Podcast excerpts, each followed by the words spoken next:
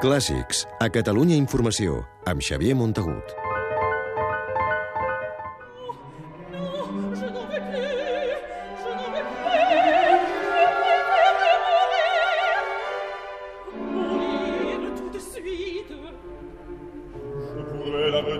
Facilement. L'eau n'est pas très profonde. Je n'en veux plus.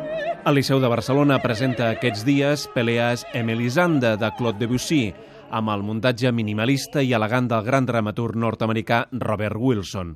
La posada en escena, sòbria, encaixa perfectament amb el simbolisme de l'obra del compositor francès, que feia 49 anys que no es veia al Gran Teatre de la Rambla.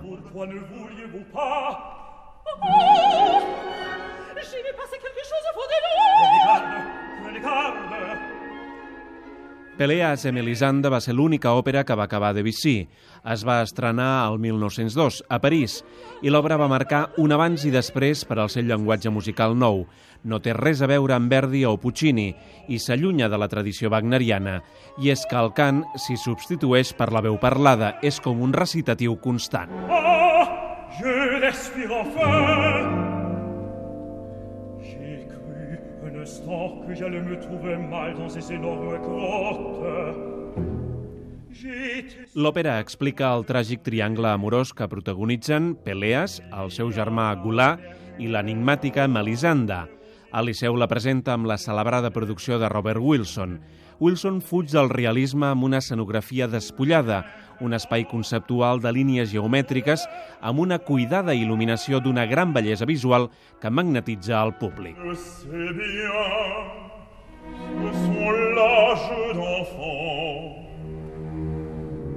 Mais il ne faut pas que cela se répète.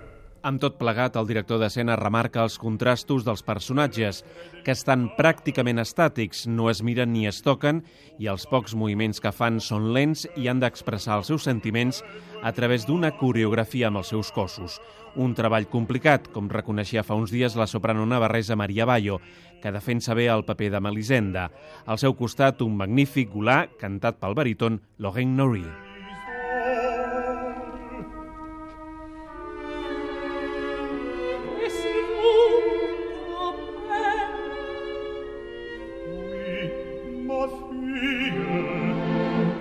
Mikhail Boder, el director titular de l'Orquestra del Liceu, du la batuta i s'acomiada del càrrec amb aquest títol, el penúltim de la temporada que, feliçment, s'ha pogut repescar de la programació del Liceu després de la retirada de l'aerotemporal. Dissabte que ve se'n farà l'última funció. Catalunya Música transmetrà en directe la de dimarts que ve.